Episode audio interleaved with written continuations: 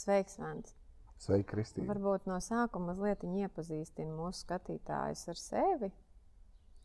Un tad es droši vien iepazīstināšu ar to, par ko mēs runāsim šodien. Labi. Mani sauc Vērns Sīlis. Es uh, strādāju Rīgas Treniņu universitātē, esmu asociētais profesors un reizēm lasu Open Minded arī lekcijas mm -hmm. par dzimumu lomām, par seksualitāti, par uh, dažādām ar un par un ap jungu saistītām tēmām. Paralēli mācos par jungu terapeitu Lietuvas uh, jungu analītiskās filozofijas tajā asociācijā un studēju psiholoģiju kā tāds īsts pirmkursnieks. Rīgas Stradiņa universitātē arī. Manas tur tās hipostāzes ir daudz un dažādas, bet viņas visas rotē joprojām ap mācībām, studijām, psiholoģiju, antropoloģiju. Jā, un mēģinājām izskaidrot to sarežģīto, komplicēto mūsdienu pasauli un mūsu pašus tajā pasaulē kaut kā padarīt uh, gan mājīgākus, gan vienlaikus arī radošākus, pārveidojošākus šo pašu pasauli. Mm. Man šķiet personīgi ļoti interesanti tevi uzaicināt uz šo sarunu tieši mm, teiktu, no tādiem diviem aspektiem.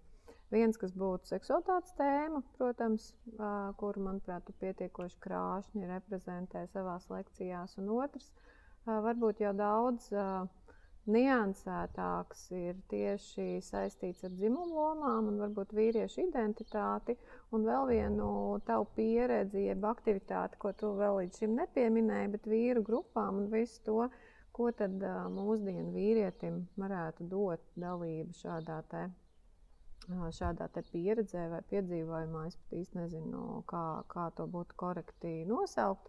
Varbūt tieši savalkot šos divus aspektus kopā. Vīrietis ar savu seksualitāti, savu dzimumu identitāti, no tās izrietošajām lomām un visu to spiedienu, ko nu, mēs esam katrs uh, spiesti piedzīvot, kaut kā mēģi, mēģinot ietilpināties konkrētā laikmeta un kultūras tradīcijās. Jā, nu, tās vīru grupas ir patiesībā brīnišķīga lieta, nu, kas sākās tieši ar mērķi atbalstīt vīriešu savas dzimuma identitātes meklējumos. Mm. Tajā, ka bieži vien tu esi pilnīgi notverts sabiedrības prasību tīklojumā, un vēl ģimene tev kaut kādas prasības izvirza, un pats tu sev prasības izvirzi. Beig beigās tu saproti, ka nevienas no šīm prasībām nevar izpildīt. Un, tad tu apvainojies uz sevi, uz pasauli, tad tev viss ir slikti. Tu sāc uh, lietot alkoholu, tu tad sāc darīt dumības, tu sameklē jaunāku, mīļāko tikai tāpēc, lai uzzinātu, nu, vai tu vēl joprojām spēj uh, kādam iedvest iekāri un tam līdzīgi. Mm.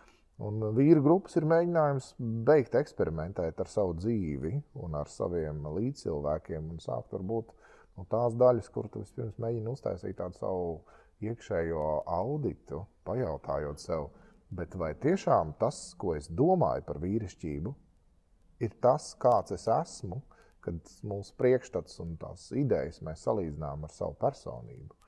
Un, uh, tur tas interesantais sākās brīdī, kad vīrietis mēģina izstāstīt, kas viņš ir. Bet pagaidiet, pirms tu tagad te jau tik dziļi par visu to. Uh, par visu to, ko jūs tur darat un kā jūs to piedzīvojat. Varbūt pastāstīt, tomēr ņemot vērā, ka lielākā daļa mūsu skatītāju un klausītāju visticamāk nenojauš, kas tās pa vīru grupām un kas tas vispār ir un, un kā tas notiek. Tīri tā struktūrēti, varbūt kur jūs vispār kaut ko tādu ņēmāt, kas ir tie vīri, kuri ar to, ar to visu aizraujās un nodarbojās, kāda varbūt ir arī tā dinamika, kā jūs to darat, ko jūs esat. Uh, ņemot vērā, ka es tomēr zinu, ka uh, mums, ir, mums ir draudziņš ieradies, bet uh, tas forši, um, ka tu tomēr esi viens, cik es saprotu, no jums ir pirmā vīra grupa, vai ne? Tas tā tad viss no, senākā. Nu, jā, mm. nu, kur mēs tad vēlāk varēsim parunāt arī tā tīri praktiski, kā tas ir iziet tam procesam cauri mm. vairāku gadu garumā mēģinot viņā arī ieintegrēt, jo cik es, cik es atceros, tad pats koncepts ir viens, bet jūs viņu pietiekoši bagātinājāt paši, ieliekot daudz ko no sevis. Uh, varbūt mm. no sākuma par šo te. Tātad, kas ir vīru grupa vispār? Vīru grupa mm -hmm. ir kaut kur Austrālijā radusies metode, kuru mūsu grupas dibinātājs vienkārši atrada internetā, pats risinot savas mm. uh, dzīves peripētīs. Viņš atrada šo vīru grupas rokas grāmatu, izlasīja un saprata, ka taisam augšā. Mm -hmm. Un to viņš izdarīja pirms pieciem gadiem. Tā kā mums šis ir jubilejas gads, mēs mm. šonadēļ mēģināsim nosvinēt savu piecgadi. Kas priekš vīru grupas īstenībā ir ļoti daudz, ņemot vērā to, kā citām grupām ir veicies un kā grupas ir veidojušās, un pēc tam mm. atkal izjukušas. Tas nav tik elementārs process, kā liekas. Mm -hmm. Un šo austrāļu metodi mēs sākām lietot. Vīru grupa ir tāda situācija, kur vīri atnāk norunātajā laikā un mācās atklāti un tieši runāt par sevi un sev saistošām problēmām. Un, tas vīra grupas princips ir raksturojams ar vārdiem godīgums, autentiskums un atklātība. Un, principā tās ir ļoti nu, dziļas sarunas. Ne, ne vienkārši dziļas tās, tur, tur mēs apspriežam visu, sākot ar bērnības traumām un beidzot ar uh, piedzīvojumiem uh, dziestošās erekcijas laukā. Mm -hmm. to tā. Ja tad, kad tev vairs nav 30, tu sāc uz to skatīties jau no tādas tā kā, nu, no citas perspektīvas. Mm. Nu, lūk, un šīs sarunas ir, sākas ar to, ka vīri, kas ir, daži ir savstarpēji pazīstami, bet daži ir pilnīgi svešinieki. Nāk un sāk vienkārši viens otram kratīt sirdi un sāk uzticēties viens otram bez konkurences. Tas ir tas mm. pamat uzdevums, ka mēs mēģinam uh, saglabāt to gaisotni konstruktīvu un vietām izaicinošu, bet nemēģināt teikt, nu, es tā kā dzīvē labāk māku nekā tu.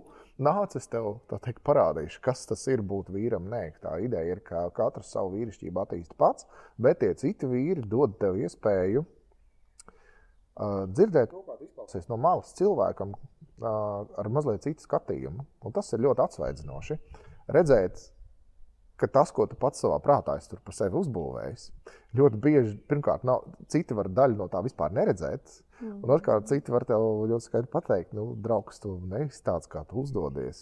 Nu, padomā vēl, varbūt ar tevi kaut kā citādāk viss notiek. Mm. Un tad, kad mēs, nu, tās, mēs sākām ar to, ka lai bagātinātu mūsu sarunas, jo redz, kas ir. Ne jau katrs vīrs ir uh, gatavs dzīves daļrunātājs, un ne jau katrs ir spējīgs savu to dzīvi tā izstāstīt. Mm -hmm. no citiem vajag tādu nu, tā pamudinājumu. Mēs sākumā ņēmām tekstus, uh, mēs ņēmām gan Rubeņa grāmatu, gan Rora grāmatu, Ādama atgriešanās, gan uh, Stīva Bidula, man liekas, grāmata bija tāda par uh, vīrišķību. Austrāļi arī psihoterapeits. Un rasījām pa nodaļai, un katrs tajā nodaļā tur izlasa attiecības ar tēvu. To mēs risinām katru, katram ar tēvu iet. Attiecības ar romantisko partneri, pašam savu izpratni par seksu, seksualitāti. Tas arī bija ļoti būtiski. Kā mm. saprast, kas ir nu, tas junk seks, jeb, jeb tāds. Mm. Nu, ātrās pagatavošanas, tikpat ātras lietošanas seks, kas beig beigās tavu seksualitāti arī krietni sagandēja jā, it kā ātri tiec pie rezultātu, bet beigās tas viss beidzās ar lielākām problēmām, gan psiholoģiskām, gan fizioloģiskām. Un viena no tādām uh, vērtīgām pieredzēm, manuprāt, uh, uh, ko es zinu par vīru grupu, manuprāt, vīriešu tādā realitātē ir tieši šīs nevis hierarhiskās attiecības, bet līdzvērtīgās attiecības. Mhm. Kā tu teiksi no savas pieredzes, ko tev deva tieši šis aspekts, kad jūs neaiziet pie līdera, kurš jūs mācīs dzīvot, vai kurš tagad būs tas cenzors, kā tu tiec ar sevi galā, un es tev tad iedodu plusiņu vai neiedodu. Bet tomēr kaut kā uzturat arī, kāds vispār izdodas uzturēt, jo tomēr nu, tā arī tā labi trenētā, kurš būs pirmais, kurš būs pārākais, kurš tad būs gudrais un dabiskā tendence ieņemt kaut kādu to pozīciju, formālo līderi, neformālo līderi. Kā tu pieredzēji šo te, kas kopumā ir viens no lielākajiem vīriešu izaicinājumiem vispār sociālajā? Nu, grūti jau. Ik pa brīdim kādam pasprūk, ik pa brīdim kāds grib būt tas uh, īstais vadītājs. Ne, mums ir rotācijas sistēma. Mēs mainām. Vadītājs ir vairāk tāds, kurš rūpējas par organizatoriskām lietām. Viņš nav vadītājs tādā ziņā, ka viņš visiem kā, nosaka, nu, ko mēs darīsim. Drīzāk tas ir cilvēks, kas uzņemas atbildību, lai noteiktas lietas noteiktā laikā būtu pabeigtas. Un tad tā savstarpējā konkurence mums ir nu, mēs esam tur gana dažādi, lai būtu tā, ka katrs ir izcils vienā jomā, un pārējās mm. netika izcils.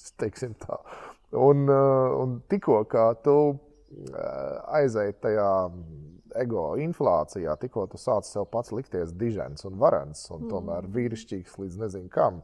Tā, tev biedrs iedod dunkas ānos, un mums tur vēl tāds humora paveids ir. Uh, par ko es tikai vēlāk izlasīju, studējot pavisam citas lietas, ka vīriešu sabiedrībās tas, uh, nu, tas humors, kurš ir uh, skarbs humors. Un tev, par tevi tā var, var iesmiet diezgan tā, nu, tā no puses, kuras tu negribēji. Ja? Tur, teiksim, risinot mātes kompleksu, mēs tur viens par otru diezgan pamatīgi izteicāmies. Un katram tas varbūt pāri noglaudīja. Mm. Bet, uh, Bet tā pamatdoma ir tāda, mazināt vīrieša šo egocentrisko vēlmi, nu, to savu fasādisko diženumu demonstrēt citiem tādiem pašiem. Un tomēr nu, noņemt fasādi un paskatīties, kas aiz viņas ir. Un tur parasti ir ļoti daudz, kas tur ir gan tas, tas tā grandiozitāte uzpūstā, gan arī tāda šausmīga ievainojamība. Un, uh, ab, abos gadījumos ir svarīgi nu, šo ievainojamību respektējot, kas ir būtiski. Uh, vienlaikus uh, trenēt cilvēku, neņemt katru frāzi, nu, kā neuztvert to kā tieši adresētu sev naidīgi, bet, bet arī jā, sajust to kā pozitīvu izaicinājumu, vienlaikus uzaudzēt biezāku ādu un labāk sevi saprast un redzēt, kāpēc kaut kādas lietas tevi triggerē. Jo vispār vīriešu pašapziņa ir ļoti īpatnēja lieta. Vīriešiem drausmīgi patīk tēlot nu, tādus betonu stabus. Man nekas neskar, es te visam eju cauri. Visam stāv pāri. Jā, visam stāv pāri. Un patiesībā pietiek tev nepareizi uz viņu paskatīties. Mm. Kā tā viņa trauslā pašcieņa jau mm. sadalās, un viņš ir gatavs tagad mesties skrāgā visiem, lai, lai kaut kā pierādītu, ka nē, ka viņš tomēr var.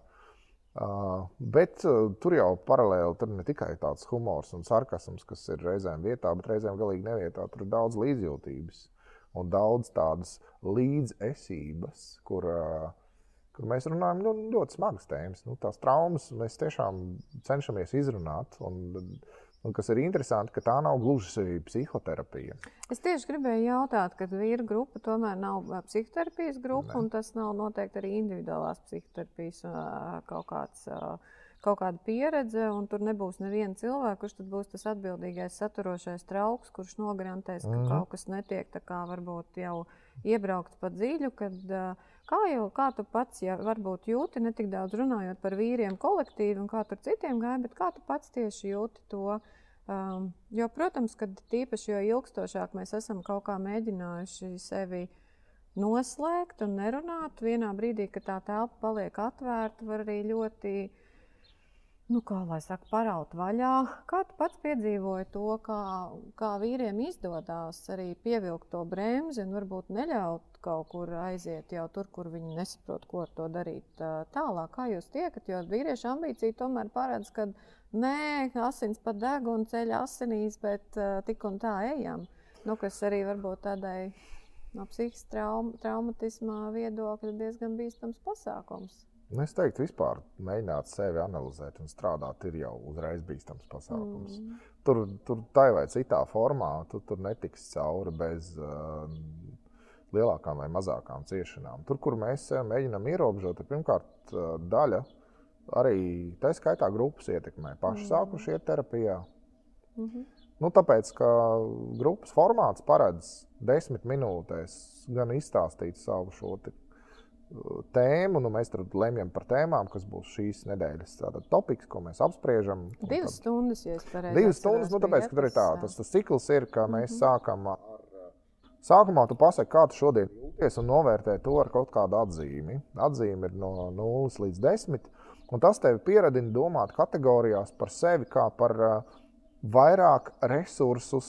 Šodien man šodien ir vairāk resursus, var teikt, man ir um, divas kategorijas, ir optimisms un enerģija. Optimisms būtu tās garstāvoklis, ja, pozitīvisms. Mm -hmm. Es saku, man ir šodien uz astoņi, es jūtos ok, ir, ir tā, un tad pēc vīra grupas mēs atkal šo procedūru atkārtojam, un tad ir skatāmies, vai tā balva ir klāta nākusi vai nosnākusi, mm. vai grupa ir trāpījusi tavā, te, tev garstāvoklis pēc tam uzlabojās vai nē. Un kā likums ir, ka tām balēm ir vai nu jāpaliek tādām pašām, vai jānāk drusku klāt.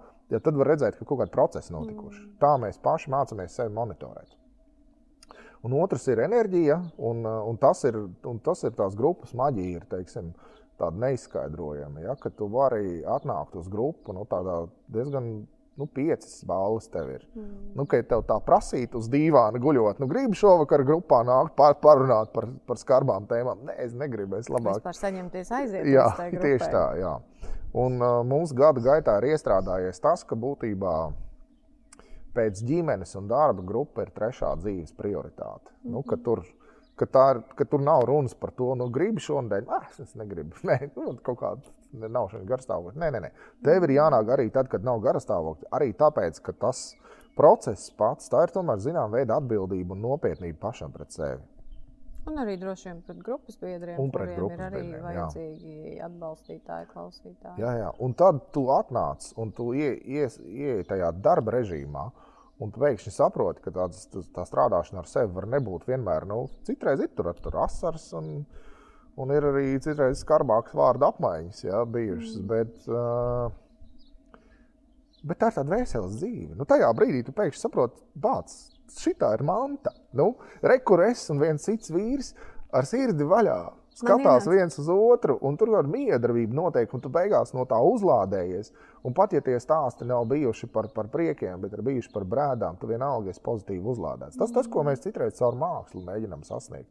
Ja, kur es, es vienmēr es esmu daudzkārt jūties nu, to, to katarsis pieredzi, ja, to tādu tā emocionālo pacēlumu un, un attīrīšanos, kas ir notikusi caur darbu grupā, nu, citreiz tu caur mākslu piedzīvot un noskaties tādu filmu, kas tev riktīgi izkustina, mm. vai tu aizēji uz teātri, kas arī tev tā pamatīgi satricina. Es tieši gribēju jautāt, kā, kā tu. Uh varbūt formulēt priekš sevis, kur ir tā atšķirība, ka jūs sanākat kopā vīru grupā un ka vienkārši man ir mani drugāni, man ir mani čomi un mēs uh, kaut ko kopā darām. Kāds spēlē hokeju, kāds makšķerē, kāds varbūt nezinu.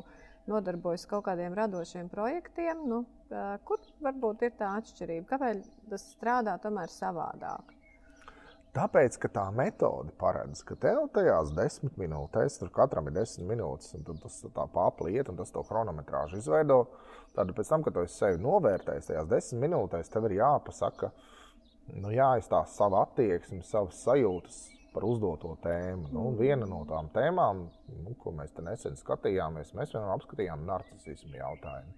Mm -hmm. Mēs katrs jautājām paši sev cik liels narciss es esmu, un vai es esmu vispār piefiksējis, ka es tāds esmu. Un tajā brīdī, kad uh, mēs jau tā sākām nu, noslēdzošajos apļos, tur jau sākām jokot, ka, uh, ka vīrs iesāk savu runu. Nu, es esmu uh, grupas narcisu topā droši vien.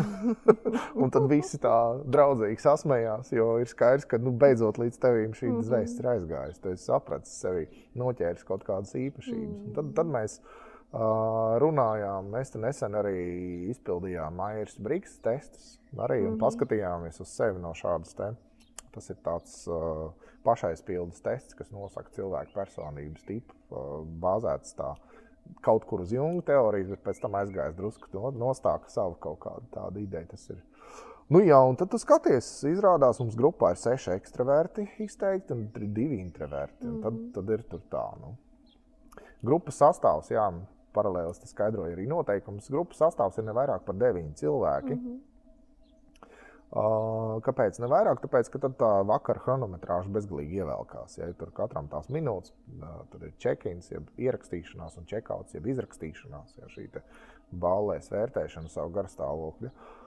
Un, un, tad, kad, un, un tas, kas ir skaisti, ka mēs sākumā no grāmatām, pēc tam mēs izgājām cauri arhetipiem tiem četriem vīrišķības arhitipiem. Tagad mēs esam nonākuši līdz tam, ka mēs kombinējam Soulcraft, tas ir Bila Plotkina to darbu, dvēseles mākslas, kas ir mhm. iešana dabā un meklēšana sevis dabā, vienlaikus paturot arhitipus par rokām. Tad, Tad atgriežoties pie tiem arhitipiem, mēs Jā. uztaisījām ar Maksimu brīnišķīgu fotosesiju, mēģinot Maksimu iemiesot visos četros arhitipos. Es no savas pieredzes varu teikt, Ka, nu, es palūgšu tev droši vien arī pēc tam paskaidrot vairāk, vispār, kas tie arhitekti, kādā vispār sakarā, no kurienes tas nācis un kāpēc tas var būt noderīgs uh, parastā ikdienišķā situācijā. Bet uh, tā pieredze, nu, tā struktūrēti kaut kādu divu stundu laikā, kaut kādā aspektā pajust sevi kontaktā ar katru no tiem arhitipiem, kas tomēr tik ievērojami kaut kā liekas, kas tur outfits un mazliet ieeja tajā mūdā bet tas uzreiz tik ļoti maina to noskaņu. Uh, tas patiesībā bija baigi uh, interesantā tāda pieredze, jo, cik es atceros arī no sava vīra pieredzes, jums tā arhitektu iešana cauri bija tāda lēna un plūstoša. Mhm.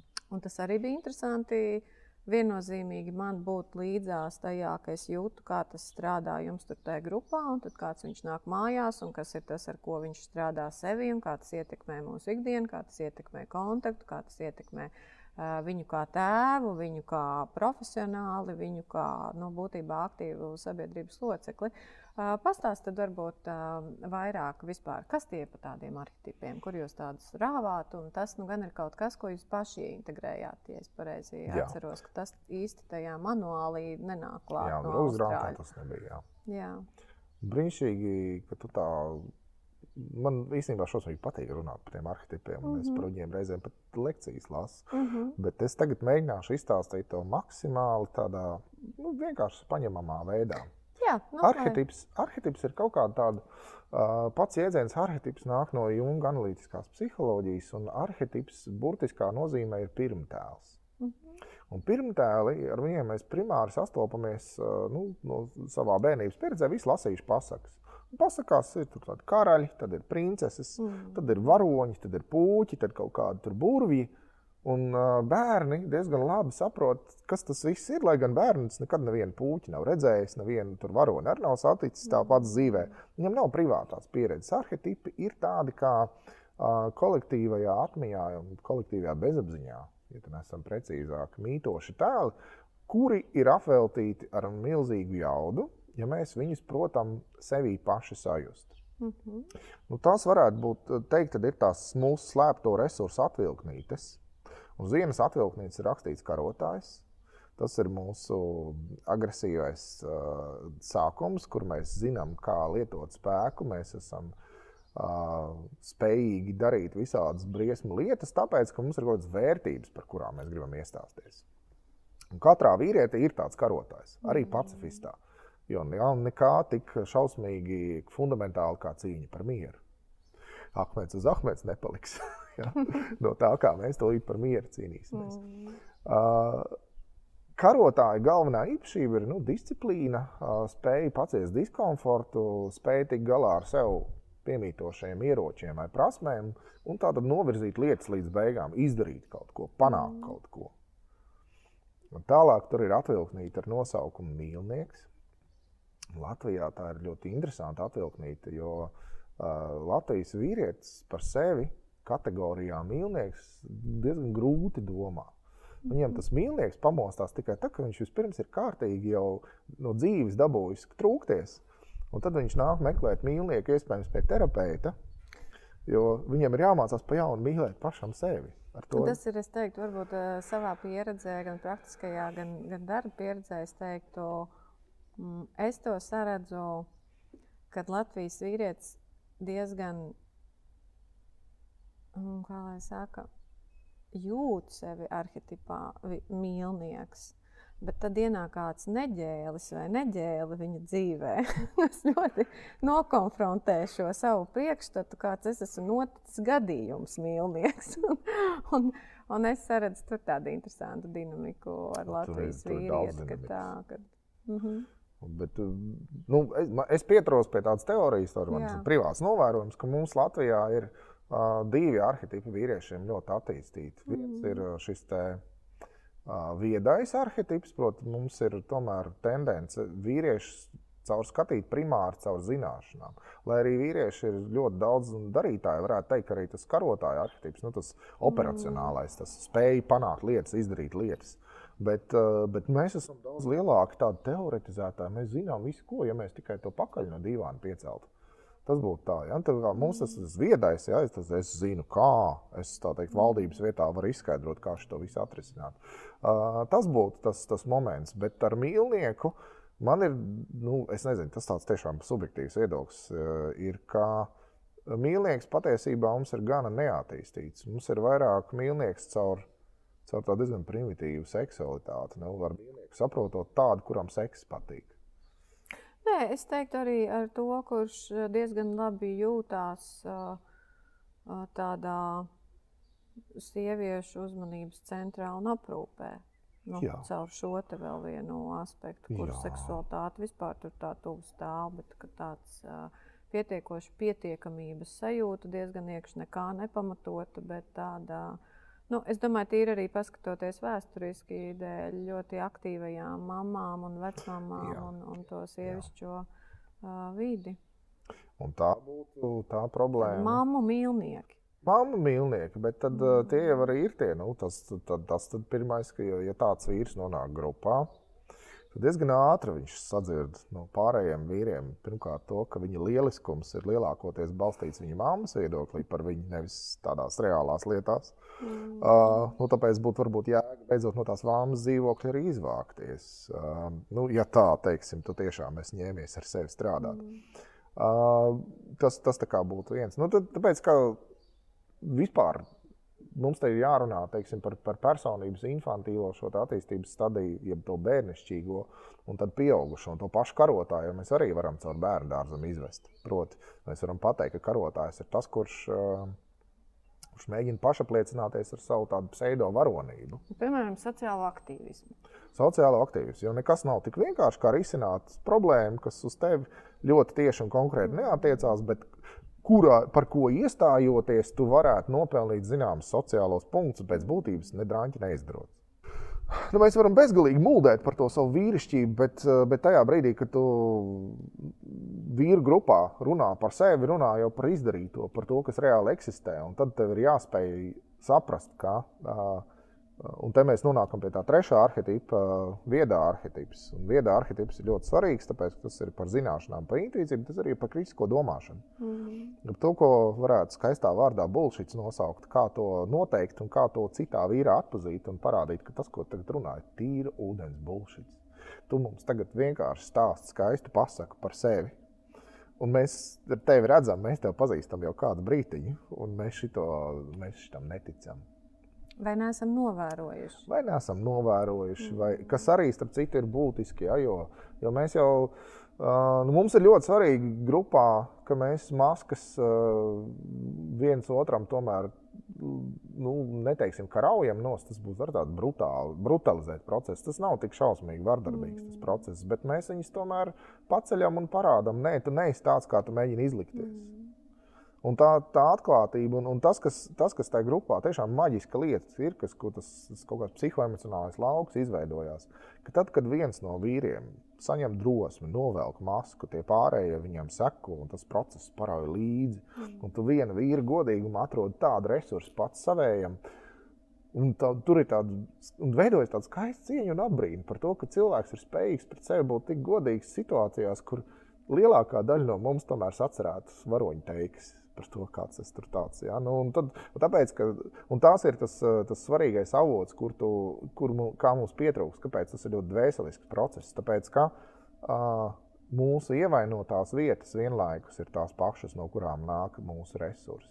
Un, ja mēs pareizi atrodam savu ievainojumu, nevis izliekamies, ka viņa nav, ka viņš nekad nav noticis, es, protams, stāvu visam pāri, nē, bet viņi atrod, to viņus atdziedē, domājot par to, Un šajā sadziedēšanā tu atrod spēka avotu tajā visā. Jo visi, kas ir gājuši cauri būtiskām pieredzēm, iemācās līdzjūtību, iemācās izpratni. Jā, mums ir tur ik pa brīdim tādas tā kā, tolerants, tādas diskusijas par to, mēs iemā, kā mēs iemācāmies paciest to, kas ir citāds man.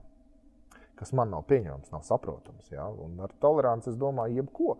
Vienkārši arī pašu pasaules uzskatu. Jo mēs konstatējam vienā brīdī, ka mēs Bieži vien tie pārmetumi, kas grupā izskan, viņi izskan tāpēc, ka kāds nav ieklausījies cilvēka personības uzbūvē. Mm -hmm. Tu nevari cilvēkam, kurš ir introverts, pārmest to, ka viņš tur, teiksim, ir par maz novērojams publiskās aktivitātēs. Tas nav viņa. Nevar no viņa to prasīt. Tev ir jāpazīst cilvēks, lai zinātu. Un tas, tas, tas ir tas grupas arī nu, tās metodas, tā zelta maliņa, ka uh, viena no devīzēm ir kļūt pašam par sevis labāko versiju. Tad tu pats uzstādi savu savas izcilības robežas. Nevis, ka tev kāds to nodiktē, bet tu pats sevi pētot, pamazām redzi, rekur es sev sameloju, rekur es vienmēr izvēlos. Ja, jo Latvijā, kas ir tas teiksim, izplatītākais veids, kā būt izcilam, tas nozīmē, ka tev jābūt vienkārši šitik labākam par pārējiem. Tev nav jābūt, teiksim, domājot par mūsu sabiedrību tādā globālā līmenī. Ir forši, ka mums ir daži mākslinieki vai mūziķi vai kāds cits, kas spēj konkurēt globālā, globālā līmenī. Bet mums ir jāmācās redzēt, ka nu, nepietiek ar to, ka tu esi tikai kāpēc viņa labāks par pārējiem. Mēģini būt vēl labāks un mēģini arī kādā ziņā nepārvērst to, ja, kas, ir, kas man ļoti patīk šajā situācijā. Mēģini necienīt sevi par daudz šajā sakarā. nu, jo tas arī ir tā, ka tu, vienreiz tu saki, nu jā, es varu pateikt kaut ko par traumām, un pēc tam tu esi tāds šausmīgi lepns, kā es tikko par savām traumām izrunāju. Tu varēsi tā par savām traumām stāstīt. Nemaz nevarēs. Un, un, un tajā ir tāds tik daudz pozas un, un pēkšņi iegūtas, uh, iegūta narcisisma, ja tajā, kā mēs mākam sevi izcelt. Vai tas varētu būt uh, saistīts jau ar nākošo arhitektu, kas ir karaļa arhitektu attīstītība, kas spēj tomēr uh, pati vai pats būt sev valdnieks un teikt to mēru, un es negaidu diriģēšanu o, no malas, un arī tādu otru karali, ko apkarot, man obligāti nevajag, kas varbūt jau man pārnes vairāk karotājā. Jā, valdnieka arhitekts vispār ir, tas ir, tā ir mūsu sāpju tēma. Tāpēc, ka... Es varbūt uh, mazliet, lai saprotamāk, ir kā tu teiktu, uh, ok, karaļa arhitekts mūsdienās karaļa nav, nu vai vismaz nav, viņi vairs jā. nav funkcionāli tāda, vismaz šeit Latvijā noteikti nav. Kā tu teiktu, kā mēs varam piedzīvot tādā normālā mūsdienu sociālajā vidē Latvijā karaļa arhetipu? Mēs viņu varam Kur viņš varētu būt? Tas ir, tas ir tā, kāpēc es arī iesāku, ka tā ir sāpīga tēma. Mums, nu, mūsu valstī līderība ir sāpīga tēma. Mm -hmm. Mums ir ļoti sakāpināta un neadekvāta attieksme pret līderiem. Gan savā paša vidū. Ja? Mēs nevaram pirmkārt redzēt, Mums ir ļoti maz piemēru labiem līderiem. Mm. Nu, tādiem, kuri ir līderi nevis tāpēc, ka viņiem ir pietiekami daudz naudas vai varas, lai tur uzspiestu savu gribu pārējiem, bet tajā līderības situācijā, kas ir tieši arhetipāla, kur līderis ir primāri taisnīgas kārtības uh, ieviesējs. Taisnīga kārtība. Uh, Latviešu tādā, jeb Latvijas kontekstā asociējas ar vārdu saimnieks. Tāpēc, tas, tas ir tāds viensētā saprotama kategorija, kas ir saimnieks. Saimnieks ir tas, kurš pieņem lēmumus par to, kas tagad notiks, kā tas tagad notiks. Un saimnieks būtībā viņš, eh, viņš var nebūt izcils nevienā no jomām, lai gan parasti viņš tur vienā no tām ir. Bet viņš var nebūt pats stiprākais zemes arājs. Tur ir Pēters. Pēters ir vai ne tāds plecs. Šitādi Pēters ar zemi labāk par visiem. Viņš novars divus laukus. Un tad tev kā saimniekam ir jāsaprot, kur Pēteri pielikt, lai viņš tos laukus ar tie jēgā. Jo viņš var paņemt un arī bezjēgā viņas noārt. Tāpēc, ka viņš ir Pēters, viņš māca art. Un ja viņš neārsta dienā tik daudz, cik vajag, ja viņš noārsta visu pasauli. Tas ir viens. Otrs, tad tur ir, teiksim, saimniece Anna, ja, kura savukārt ir lieliska pankūku un maizes cepēja. Un viņi arī ir, ir lieliski tikai tajā brīdī, kad, kamēr viņi harmoniski atrodas savā vietā un dara savu funkciju. Un tad tā saimnieka, jeb valdnieka ideja ir novērtēt apkārt esošos cilvēkus un pasauli pēc tās uh, taisnīgās un uh, būtiskās jēgas principa un saharmonizēt esošās lietas. Un tas ir tāda, tā tāda līdera, bet vienlaikus arī bišķi dizainera funkcija. Un, un tas ir, un, teiksim, valdnieka smalkums ir tāds, nu, tas ir arī ģimenes tēvs. Tur iekšā ir tāds, mm -hmm. kurš mhm. prot ar katru, nu, ja tur bērni ir teiksim, 3, 4, 5. Viņš ar katru no tur mazāko viņš runā tai valodā, ar vidējo, tai valodā, tur tam, tam tā pasaka. Un beig beigās kopā sanāk māja. Proti, valdnieks ir tas, kurš prot no dzīvokļa uztaisīt māju. Mājas sajūta viņš tur var dabūt iekšā. To, tā ir tā harmonijas un taisnīgās kārtības sajūta, kurā viņam pašam ir jādzīvot. Un mums ir ļoti grūti ar to, ka mēs būtu paši spējīgi dzīvot saskaņā ar saviem super augstajiem un super pareizajiem principiem. Mēs esam tādi daļmuldētāji. Es arī tā skaitā. Ja? ka mēs varam tik labi izstāstīt, kā visam vajadzētu būt, un dzīvē reizēm nejaudājam miskasti iznest. Bet, ja jau mēs pie šī pats pieskāries, kā tu jūti, vai kā tu redzi sevī pats to izaicinājumu, kādēļ ir grūti tikt tālāk par to runāšanu? Nu, tīri mm. personīgi saprotot, ka tur jau Nu, ir viegli nosodīt vai teikt, ka mēs tādi esam, bet nekas jau nav tāpat vien. Mēs jau zinām, vienmēr nogriežam mazāko daļu. Jā. Kā tu sevī sajūti to? Kādēļ ir tik grūti iznest to miskasti, radīt tajā dzīvoklī, to māju sajūtu, ar katru bērnu runāt pēc vecuma, nesalīdzināties ar otru karali? Grūti ir Iespējams atrast vietu Jā. arī karalienei. Jā, un tas ir, ir, tas ir skaistais moments. Nu, mēs augam attiecībās, un mēs attiecībās. Uh, es teiktu, tā, ka, ja mēs mazāk meklētu ideālās attiecības un vairāk pievērstu uzmanību tām, tām attiecībām, kurās mēs mm. esam, mēs tur atrastu ļoti daudz labas atbildes. Tāpēc, ka tur ir pats vārds angļuiski responsibility, ir balstīts uz vārdu. Nevis, nu, kas tad ir responsibility? Tā ir atbilde, gatavība atsaukties otram. Tu nevari izaudzēt tomātu, ja neesi gatavs atsaukties tomāta īpašajām vajadzībām. Tu vari viņam mēģināt gāzt virsū, nezinu, ko viņš tev vienkārši nomirs. Ja? Un tad, un tā ir tā visa tā attiecība darbināšana vai viss tā ņemšanās rezultātā, tad nebūs raža. Un tas, tas man vienkārši ļoti patīk tajā nozīmē bioloģiskās metafāras. Ja? Kad, kas tad ir tas, tas foršais saimnieks? Nu, tas, kur, ap kuru lietas aug un zied un zeļ. Tas ir uzplaukums. Tas ir cilvēks, kura klātbūtnē tu vari uzplaukt. Un tad, ja tu nu, un, un, un tas uzliek zināmu pienākumu attieksmē pret bērnu, tev bērns nav jāaudzina.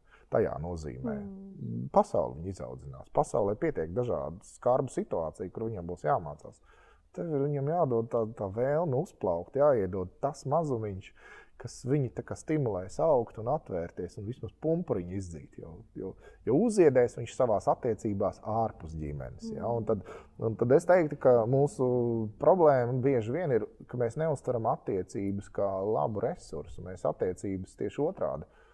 Mēs visu laiku gribam atrast kaut ko, ko dabūt sev, un mazāk tur kaut ko ielikt. Bet attiecības brīnišķīgs veids, kā pašam sevi pārbaudīt, nu, kas tas esmu. Attiecības ir uh, Es teiktu, ka, nu, ka tu vari gūt milzīgu baudu no fakta, ka ir kāds cilvēks, kam tu patīc. Kaut drusciņi. Un nevienmēr tev viņam ir jāpatīk pilnā mērā. Viņš tev arī pateiks, ka tu varētu vēl uzlaboties, bet, bet tu kādam patīc. Un mēs esam nesamīļoti tādā ziņā. Nu, man, diemžēl, jāsaka, ka mēs kā, kā sabiedrība kopumā esam nenormāli skarbi viens pret otru, prasīgi viens pret otru. Mēs varam izstādīt miljonus prasību, bet spēju būt vienam pret otru mīļiem un iejūtīgiem. Es, es runāju šoreiz ne par to mammas iejūtību pret, pret bērnu. To mēs ļoti labi saprotam. Un tur, to mēs saprotam jau līdz patoloģijas pakāpei. Nomīlēs tā, ka tur tā arī tas cilvēks psiholoģiski nepieaugs. Ja? Visai nosacīti. nu, visi vispārinājumi ir tikai relatīvi. Drīzāk varbūt nokritizēs līdz nāvei. nu, ir jau tā, ir Lai jau tā. nepieceļās un nu, nedodies man nepāraug. jā, tas arī ir. Un nedodies neaiziet un nepamet mani, tāpēc ka vīrs pameta, tagad dēls ar pametīs, kā tas tagad būs. Nu, tas ir, bet tie ir tie stāsti, kāpēc mēs nemākam, nemākam būt harmoniski. Tāpēc, ka mums patiesībā primāri šīs jēdzīgās attiecības sākās ar tām attiecībām, kuras mēs sākam apzināti veidot. Mēs jau esam iesviesti visbiežāk attiecībās, kurās ir uh, nu, krietni dēļ patoloģijas, varbūt tā varētu teikt. Um, Vai jūs saticat kādu bez patoloģijas? Es neesmu. Lai būtu atskaites punkts, ka tāds pastāv un vispārēji defektētie.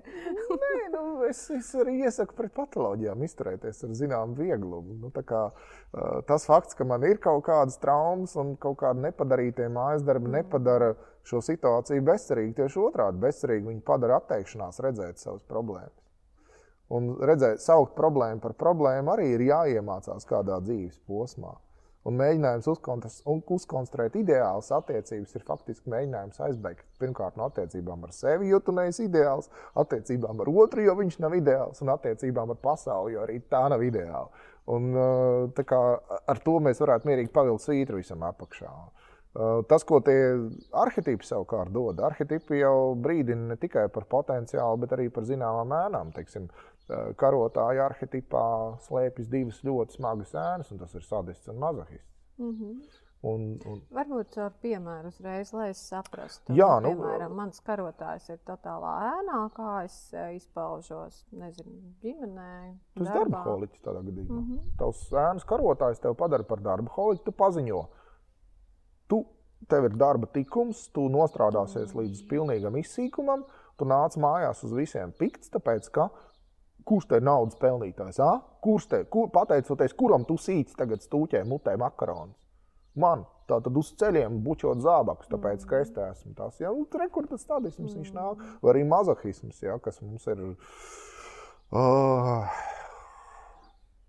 Es vispār nezinu, es to, to, to kaut kādu tādu, ja man jāvērtē kaut kāds nacionālais raksturs, tad man liekas, mēs esam diezgan, diezgan tādi Izteikti. BDSM tauta. Jā, mēs esam BDSM šiki tādi riktīgi tādi. Mums ir tā, vai nu pātaga, mm -hmm. nu, vai nu tad es esmu tas, kurš visu te pātago, un tāpēc es sevi cienu, vai arī es tieši otrādi esmu tas, kurš... bez izpratnes. jā, jā, jā tāds. Vai arī es precīzi māku ielīst pakaļā priekšniekam, man ir rekurs somā komplekts ar trim lubrikantiem, jo mm. man vienam tādu, vienam tādu, vienam tādu, tāpēc, lai mani pasargdies neaiztiktu. Un, un, uh, un dzīvot savukārt. Uh, un tas, pabeidzot šo valdnieku ideju, ir tas, ka valdnieks jau kaut kādā brīdī, vismaz Rietumē, Eiropā, tika internalizēts. Protams, mēs pārgājām no šīs karaļa varas, no, no, mm. no tā visa. Mēs pārgājām uz to, ka mums ir tā sauktā demokrātija, jums, mums nav neviena absolūtā valdnieka. Vienīgais, vienīgā vieta, kur tu šo valdnieku vēl vari meklēt, ir es te pats. Neviens tev tās projekcijas vairs nenesīs tur ārpusē. Un, un tad, kad es saucu mūs par tādiem BDSM, uh, lieliem piekritējiem ir tajā brīdī, kad kāds izceļ ārā veco, veco apsūnojušo ideju par to, ka mums ir vajadzīgs vadonis. Tajā brīdī tā neirotiskā publikas daļa, kura pat ar sevi netiek galā, saka, jā, ved mūs. Tāpēc, ka es pats negribu uzņemties atbildību. Es pats negribu lemt par savu dzīvi, kas ir grūti, kur var kļūdīties, var izgāzties, var nekas nesanākt. Nē, tu esi vadonis, un pēc tam es no tevis prasīšu visu laimi, ko tu man esi parādā. Ja? Nes kāpēc. Un līdz ar to nav bīstamākas lietas, kā, kā uzņemties šo vadoņa lomu no otras puses. Un tas padara mūs tik šausmīgi nerotiskus. Un tikko kā kāds parādās vai nu politikā, vai kaut kur citur ar potenciālu būt ne gluži par vadoni, tas, tas būtu, teiksim, tas, es, es nepiekrītu tam vadonismu idejai, bet būt par uh, kādu, kurš adekvāti pārstāv ideju un pārstāv vērtības. Mums ļoti pietrūkst, saukšu es to tā, vērtību līderi. Tas ir baigi daudz līderu, kas ir gatavi runāt. Nu, tādu deklaratīvo līderi, kas nes par ko tur iestājās, un tad, kad jāsāk darīt, nekā tur nav. Uh, Jā, tas ir tāds parasti nu, politika vēlēšanas tuvojas. Mums ir ļoti daudz cilvēku, kas ir gatavi vārdos jā, mierīgi aizņemties šo vērtību retoriku, bet tie, kas dzīvo saskaņā ar šīm vērtībām, te nāk prātā brīnišķīgs stāsts par vēlēšanām Venecijā. Stāsts ir bija nu, Renesanse, Venecija. Un tur viņi tur vēl uh, savus uh, no, no vietējiem dišciltīgiem, viņi tur vēl kaut kādu to konkrēto, kas tagad valdīs. Un tā sagadījies, ka nu, teiksim, Dons Sergio, pieņemsim, ka tā viņš sauc, tika vēlēts, bet tajā sanāksmē, kur viņi tur 60 gabalu sēž, kaut kādas lemj, nu, tagad, jā, viņš tā kā kandidē, kandidē. Nu, tad, kur viņš ir, kur ir viņa vēlēšana runa, kas, kā viņš mums pārliecinās, ka viņš ir labs vadītājs? Un tad ceļās viņa kaut kāds draugs un saka, nē, nu, viņš tagad ir tirzniecības ceļojumā. Viņš kaut kur tur ir pie Marokas. Un, un tie saka, pagaidi, kā? Tur viņš mums neuztur nopietni. Kur ir viņa vēlēšana runa, kur ir viņa pārliecināšana? Un tas draugs saka, paklausieties, jūs viņu no cik gadiem pazīstat? Jūs ar viņu kopā esat vai nevienā paukošanas skolā gājuši. Jūs viņš, jūsu acu priekšā, viņš ir izaudzis savu namu, uzbūvējis, savu sievu apprecējis. Ja jūs nepārliecināt viņa dzīves gājums, tad padomājiet, jūs gribat dzirdēt kaut kādas pasakas, kaut kādas viņa solījumus. Viņš tagad jums sastāstīs, nezinu ko, par to, ko viņš darīs. Viņa dzīves gājums jau ir viņa priekšvēlēšana runa, un ja jūs tas nepārliecināt, nu, tad nebalsojiet. Tas ir tas, par ko es runāju. Ka valdnieks ir tas, kurš sevi iemieso šo taisnīgo kārtību, kura, kurš ir spējīgs nodrošināt šo uzplaukumu pats savā dzīvē. Un tad ir vērts viņu apskatīt kā kandidātu, kurš varētu mēģināt uzlabot situāciju priekš uh, visas sabiedrības kopumā. Ka mums, es teiktu, ka tā politiskā retorika, kas te bieži vien izskan, ir vienkārši tāda nu, tukša muldēšana. Nu, apskatiet vīra biogrāfiju, paskatieties, kā viņš reaģē uz savām kļūdām. Jo, manuprāt, te ir vēl interesanti tas, ka paskatīties, kā nu, ka politika kaut, kā, kaut kādā ziņā pieprasa mums nekļūdīgumu. Bet nav jau tāda nekļūdīga cilvēka. Veids, kā mēs izturamies pret savām neveiksmēm, mūsu šitie fail story, ja, kas būtu baigi labs. Es būtu pirms ieinteresēts dzirdēt uh, nākamā kandidāta stāstā par to, kā viņš ir teiksim, izgāzies, kā viņš cietis neveiksmi, kā viņš tur bankrotu pasludinājis. Un pēc tam, ko viņš kādus secinājumus ir izdarījis. Tas par viņu pastāsta kā par cilvēku daudz vairāk nekā tās pasakas, ko viņiem kaut kāda speechwriteri tur spēja sarakstīt. Tā kā es pats reizēm nodarbojos ar publicistiku un rakstīšanu, es tādas runas varu rakstīt priekš sevis galvā, ja tur no rīta līdz vakaram. Ja, un, un es tādā veidā izklaidējoties, bet, bet šis būtu tas stāsts. Un, un, kā tu saproti, nu, es tev pārtraukšu. Kā tu pats esi piedzīvojis, kas ir bijis tā tava karaļa izaugšana, nu, jeb karaļa arhitekta kaut kādā veidā uzplaukums tevī, kur tu jūti, ka tu no tā runātāja tomēr esi palicis par to dzīves radītāju, par to darītāju, kur tev ir tā sava nu, pieredzes valoda, kur var stāstīt mm. citiem, kas tev, kur tu pats esi sajūtis. Ir tīpaši, ja tu domā vīru grupas kontekstā tieši no to gadu ietvaros, kur tu jūti, nu, kur tu esi. Nu, man tas ir grūts arhitekts tieši tāpēc, mm. uh, ka mana spēcīgā puse ir zināšanas un, un ne tik daudz darīšana. Man vīra grupā, es esmu tās rotācijas kārtībā, trīs reizes bijis vadītājs. Mm. Pirmo reizi, kad es biju vadītājs, es uzrakstīju kaut kādas idejas, un tad es tā, nu, viņas tā izsūtīju, un es neko vairāk neizdomāju, kā vēl varētu to visu iedzīvināt. Un tad, tad es kļuvu tajā brīdī par visu laiku sliktāko vadītāju, par ko, par ko man vēl ilgi, ilgi pieminēja. Tad uh, bija otrā reize, tad es tur biju izdarījis zināmas secinājumus. Jo man vadīšanas pozīcija pašam ir ārkārtīgi nērta. Man nepatīk tur atrasties.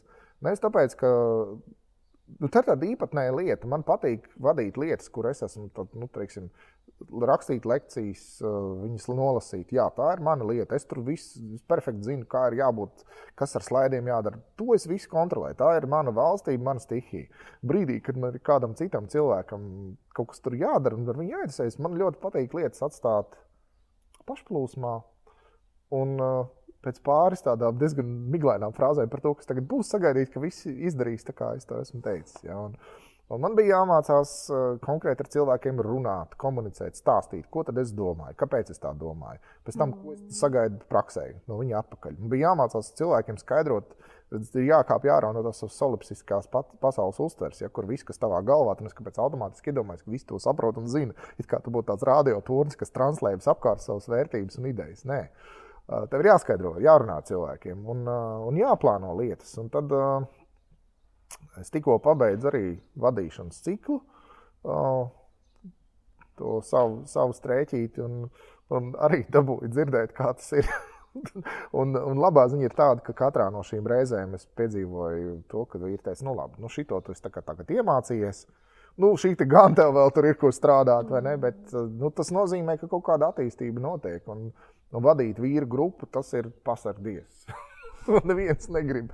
Tāpēc, ka vīru grupas vadīšana nozīmē, ka tu ieliec sevi tajā pozīcijā, kas no, tikai izklausās aizraujoši. Tu esi vadonis. Nu, kāda tur aizraušanās? Tu esi reāli atbildīgs par visu. Un tu, tev ir jāizdara tā, lai tā grupa tavas vadības laikā mm, turpina strādāt, turpina darboties. Tev ir jāizdomā ar vien jaunas kaut kādas tēmas un, un virzieni, kur iet. Pie tā visa, ka nu, pieci gadi mēs tur nezinu, jau esam. Tur, tur cikls cauri. Mēs divreiz arhitektu cikliem esam izgājuši mm -hmm. cauri. Tie četri arhitekti karotājs, mīlnieks, viedais un valdnieks. Mēs uh, divus gadus dzīvojām. Pēc tam, ka mēs uh, ceturdaļu gada veltām vienam arhitipam, tad ņēmām nākamo, ņēmām nākamo. Un pēc pirmā gada bija tā, ka mēs izējām četrus tos arhitipus, un tad, tad vīri tā saskatās un saka, Evo, es tagad zinu, ejam vēlreiz visam cauri. Un tā mēs izgājām otru gadu tam visam cauri. Tieši tāpēc, ka pēkšņi parādījās tā apjēga, tā sapratne. Un pēc otrā gada savukārt bija tē, tēma, ka nē, ja tagad kāds pieminēs arhitipus, tad mēs viņu no grupas izmetīsim gandrīz. Uh, un tad mēs ķērāmies klāt pie uh, dvēseles mākslām, neaizmirstot tos pašus arhitipus. Tā kā mums ir, mums ir, jā, un te vēl kāda svarīga lieta ir jāmāk sabalansēt savā dzīvē karotāju tikumi, atbildība, ja tur šī darīšana ar mīlnieku tikumiem, kas ir baudīšana, un kas ir ieklausīšanās, kas ir tās spēja būt maigam. Un, jo mīlniekam ir milzīga vara. Mīlnieks jau strādāts ar valdzinājumu. Un, ja tu māki valdzināt, tu māki arī manipulēt māki arī manipulēt. Un tad nāk viedais, kurš saka, tā, re, kur es redzu tīru manipulāciju. Viedā problēma ir tāda, ka viņš var visu izanalizēt no rīta līdz vakaram. Viņš zina ļoti daudz. Viņam tā darbība nesokās. Ja? Nu, tas esmu tāds, tādā ziņā pats klasisks piemērs. Ja? Ka, ka es vislabāk jūtos tādā kā padomnieka pozīcijā ka valdnieks ir tas, kurš pieņem lēmumus un organizē lietas. Un es varu bezgalīgi ar viņu apspriesties. Un, un, un tā, tāds arī citu, ir tas ideālais tandēms, kas vēl no uh, karaļa Artūra leģendām. Tas arī viena brīnišķīga metāfora, ko paskatīties. Ja vīri grupa kā tāds apaļais galds, ap kuru sēž vienlīdzīgi cilvēki. Karalis Artūrs ir izcils tikai ar to, ka viņš prot salikt pareizās kombinācijās, lai tie bruņinieki no nu, garlaicības viens otru neapsistu. Mm. Tāpēc, ka, ko viņi darīt. Ja mēs šo te visu palaidām, tos arhitektus caur seksualitāti, caur vīriešu savas seksualitātes piedzīvošanu. Kā tu redzi, kā tie, kā tie arhitekti reza, nu, rezonē tieši šajā aspektā?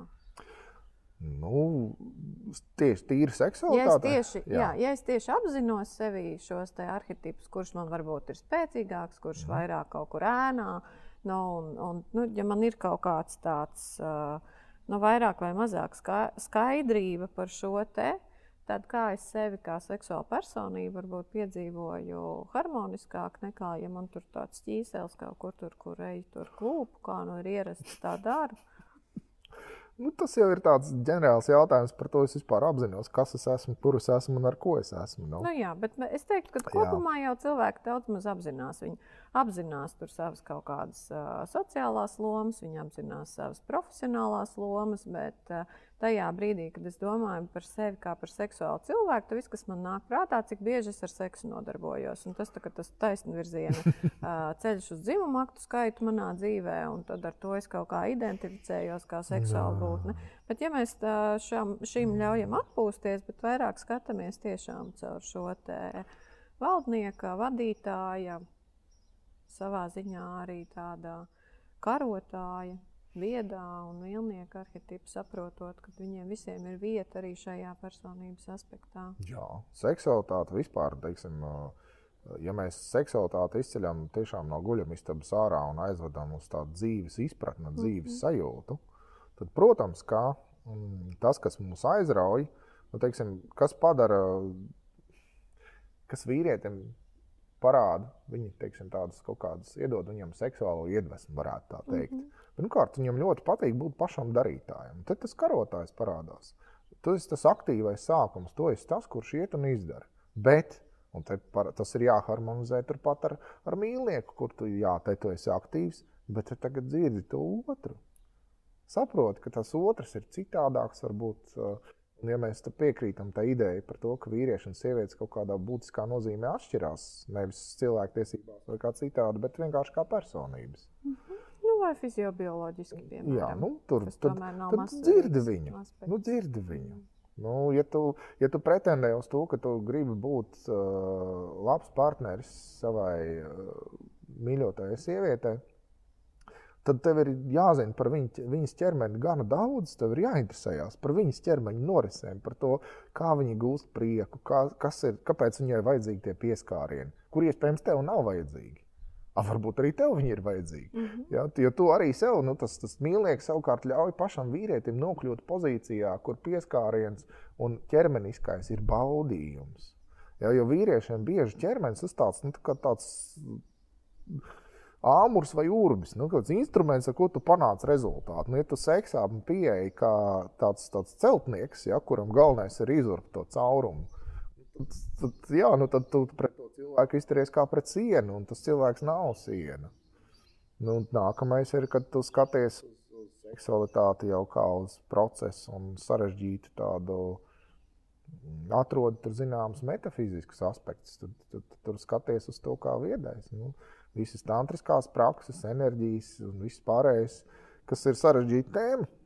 Es, kur es nejūtos teikt, ļoti, ļoti tiesīgs kaut ko daudz teikt, bet nu, cik man tā privātā pieredze ļauj spriest. Nu, jā, vai arī mēs to varētu varbūt, formulēt vienkārši kā tādu izglītību arī šajā jomā. Jā. Nevis kā kaut kādu tur, uh, pašsaprotamu pieņēmumu, kad ar mani notiks viedums seksuālajā jomā, un es tā vienkārši neko nedarīšu, bet tas tomēr arī ir izglītības process, kurš iespējams arī ļoti. paredz praksi, jo ne viss, ko es zinu, uh -huh. ir mhm. pārvēršams tikpat uh, veikli praksē. Un katrs no mums ir kā tāds seifs, kuram vajag mm -hmm. atrast pareizo to ciparu kombināciju. Un es teiktu, ka mūsu tā seksualitāte, ja mēs viņu tādu baigi plakātiski paņemam, viņi ir gan garlaicīgi, gan primitīvi. Tajā brīdī, kad seksualitātei sāc atklāt līmeņus, ka uh, ka, ka erotiska lieta ir uh, brokastis divatā. Kāpēc? Tāpēc, ka tās brokastis ievada mīlēšanos vakarā. Tu jau no rīta sajūti to cilvēku un, un redzi, un tu esi kontaktā. Un tas ir erotisks kontakts, pat ja tajā, ko tu dari, nav nekā eksplicīti erotiska. Bet erotiskais ir garšās, tas ir smaržās. Kā tu smaržo? Kā, kā tas otrs smaržo? Tas, ka tev vispār interesē, kā viņš smaržo. Jā, un... Ja tu kādreiz esi aizdomājies, ka viņš kaut kā smaržo. Jā, piemēram.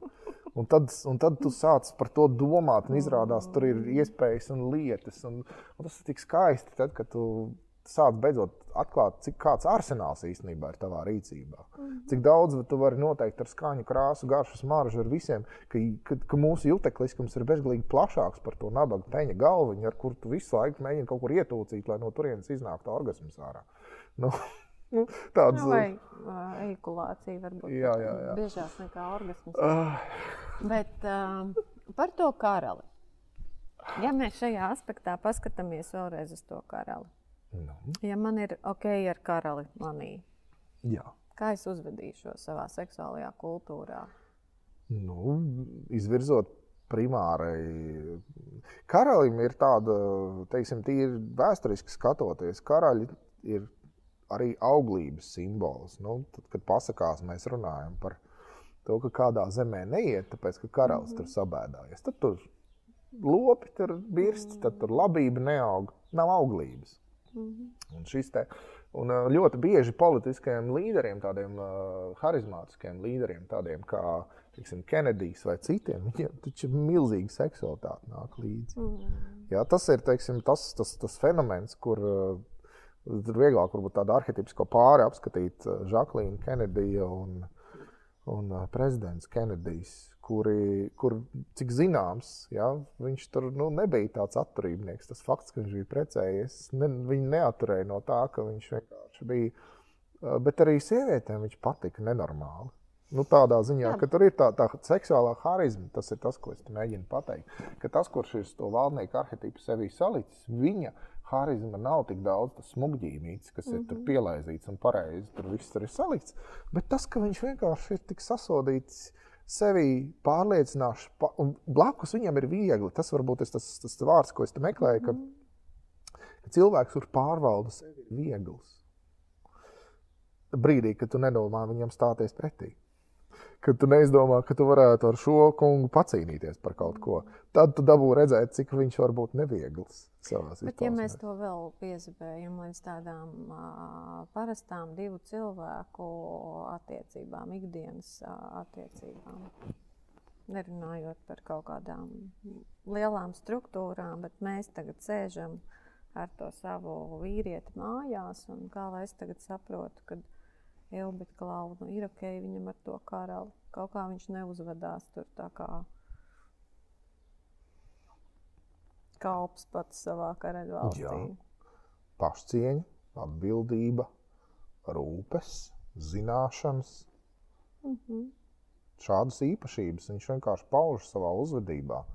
Un, uh, pašcieņa nozīmē to, ka viņš diezgan skaidri apzinās, kas viņš ir, savas robežas spēj turēt, saprot, par ko viņš ir atbildīgs.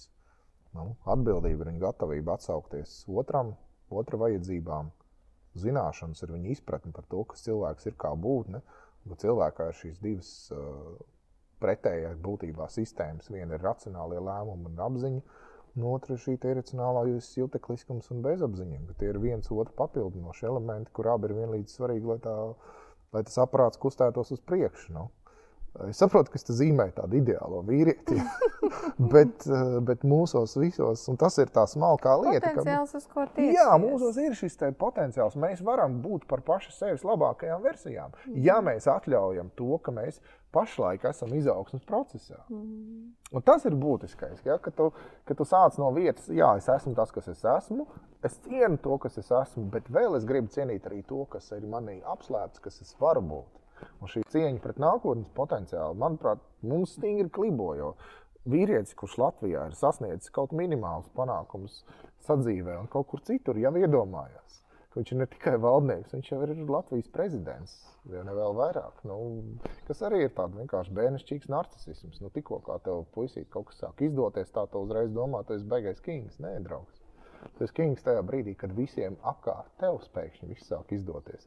Kad ap tevi pulcējas cilvēki, kurš ar savu izcilību sasniedz tieši tāpēc, ka tu nestāv viņiem ceļā, nemāci viņus dzīvot, bet ļauj viņiem pašiem piedzīvot sevi. Un tajā brīdī, kad tā ir uh, tava romantiskā partnere, kad tie ir tavi bērni, kad tā ir tava ģimene, kas tav, tev blakus uzplauks. Un tajā brīdī tu esi kings. Uz šīs brīnišķīgās nots, kādēļ tu ieteiktu uh, vīrietim meklēt vīru grupas? Nu, lai šo visu uzzinātu. lai, lai uz savas ādas pārbaudītu savu arhitektu attīstību, lai piedzīvotu to. Jo, jo ir baigi forši vīri grupā redzēt, kas, kas tas ir attīstīts, teiksim, karotājs, kas ir otrs. Es pieļauju, ka ne visas vīru grupas integrē arhitektus. Jā. Es pieļauju, ka katra jau strādā mazliet savādāk. Es varu tikai, nu, es redzu, nevaru teikt par, par modeļiem, kurus es kā, nu, pats neatbalstītu. Es, es šo modeli esmu atradzis. Man arhitekta pieeja ļoti mm. daudz ko palīdz vienkārši saprast arī pašam sevi. Kā, Mīnus, mēs, mēs kļūstam vienpusīgi tad, kad mēs savas stiprās puses izmantojam par daudz un savas spēcīgās, spēcīgās labās lietas attaisnojam ar tām, to, ka mēs tās vājās vietas neattīstām. Tur mēs pamatīgi iekrītam. Ja? Nu, Nu, es, man nepatīk vadīt tādā nozīmē, tieši pats vadīšanas process. Bet, nu, kā, tad, kad pienāk mana kārta, es ņemu to. Nu, es zinu, ka pēc tam būs kritika, pēc tam būs nu, tas, tas kļūdu labojums būs gana liels, bet katru reizi kaut ko es tur iemācos. Noslēdzošais jautājums, Vēnt, kas tavuprāt ir seksuāli inteliģents cilvēks?